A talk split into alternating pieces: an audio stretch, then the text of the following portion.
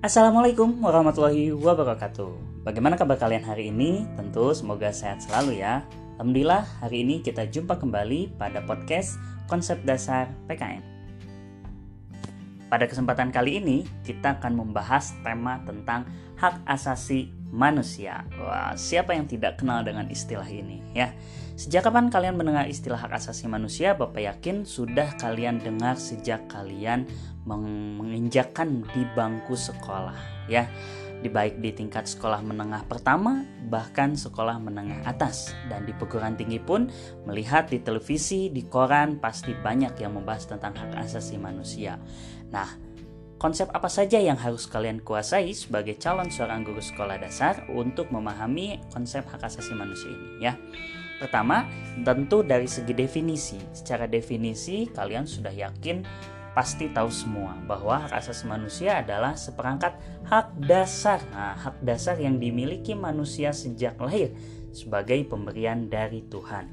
Dalam hal ini, kata kuncinya adalah HAM itu gratis nah, dari Tuhan yang Maha Esa atau Allah Subhanahu wa taala. Sehingga kalian harus bisa menekankan kepada peserta didik bahwa setiap individu masyarakat Indonesia ini adalah memiliki hak asasi manusia tanpa harus diminta tanpa harus dibeli karena itu dimiliki sejak lahir. Bagaimana Pak dengan mereka yang masih di dalam kandungan yaitu bayi yang belum lahir? Tentu mereka pun memiliki yang namanya hak asasi manusia yang melekat pada diri ibu kandungnya ya. Sehingga tidak dibenarkan ketika seseorang menggugurkan kandungannya.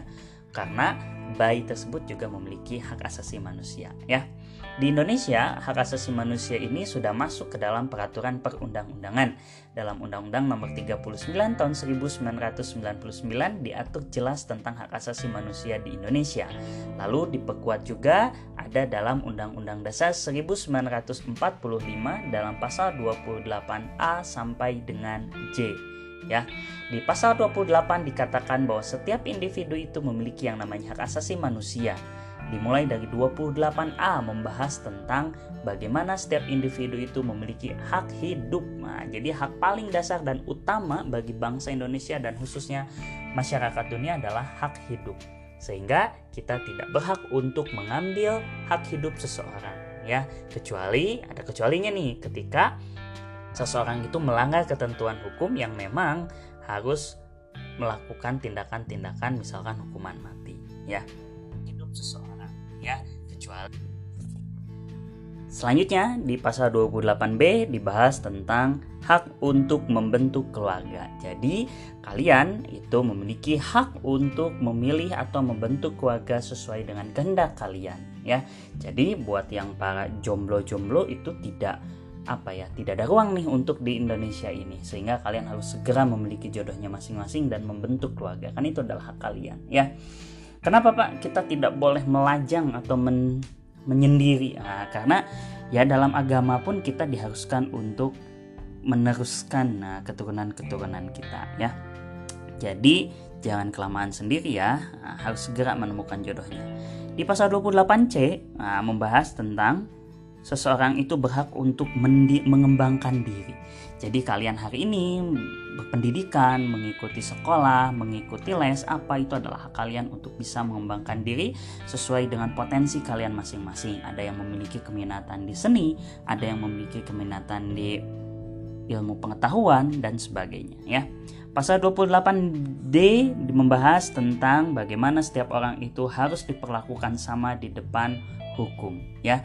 Jadi tidak ada pembedaan antara anak orang kaya, anak orang miskin dan sebagainya yang berpangkat dan tidak berpangkat ketika berada di depan pengadilan atau berada berurusan dengan hukum, mereka memiliki kedudukan yang sama tanpa memandang jabatan atau latar belakangnya ya. 28E berbicara tentang kebebasan untuk memeluk agama ya. Setiap orang memiliki hak untuk memilih agamanya masing-masing ya, tergantung bagaimana keyakinan dia terhadap Tuhan yang Maha Esa ya. Dan untuk menjalankannya pastinya sehingga kita tidak boleh melarang seseorang untuk melaksanakan ibadahnya masing-masing ya. Justru kita harus saling menghormati. Di 28F ini memiliki hak yang namanya untuk berkomunikasi. Hari ini kalian menggunakan WA, kalian menggunakan telepon untuk saling menghubungi satu sama lain bahkan mengakses internet itu adalah salah satu hak asasi manusia. 28G berkaitan dengan bagaimana kalian untuk dilindungi diri pribadi, keluarga, kehormatan, dan harta benda yang ada pada penguasaan diri kalian. Apa maksudnya, Pak?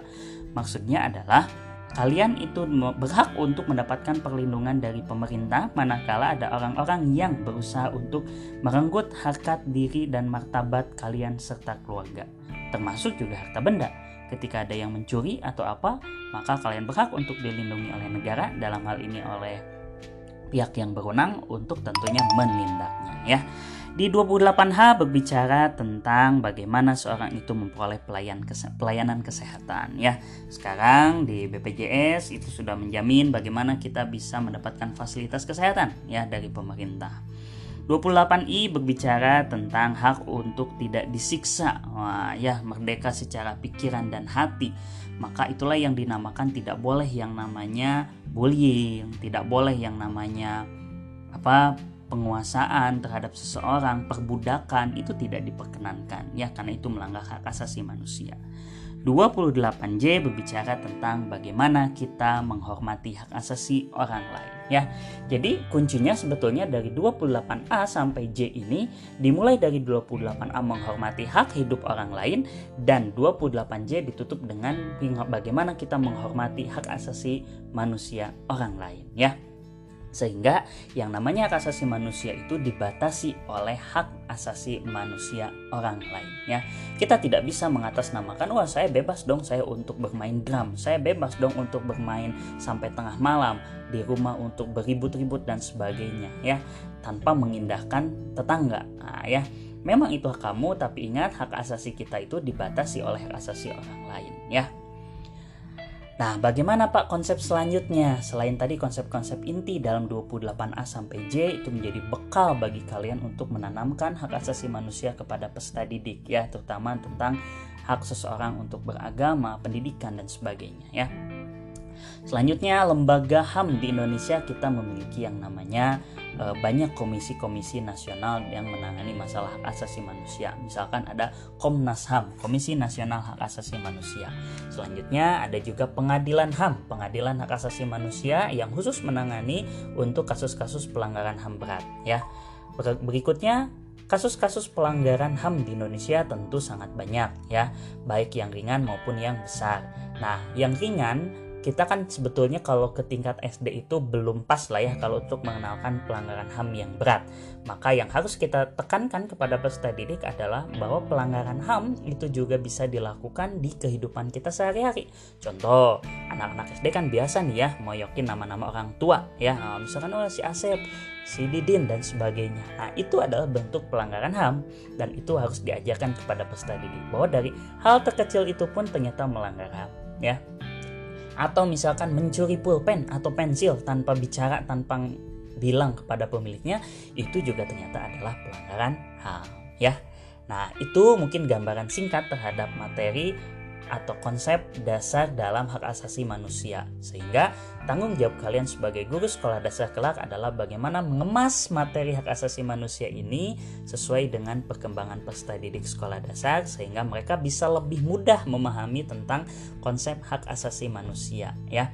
Karena konsep hak asasi manusia ini dalam pembelajaran PKN di SD ini biasanya disatukan di dalam KD3 yaitu tentang hukum ya. Sehingga nanti akan sangat erat kaitannya dengan materi minggu lalu tentang hukum ya. Itu saja materi hak asasi manusia. Yang paling penting adalah tadi pesan Bapak bagaimana kalian bisa mengemas hak asasi manusia ini mudah dicerna oleh peserta didik ya. Terima kasih, semoga bermanfaat. Wassalamualaikum warahmatullahi wabarakatuh.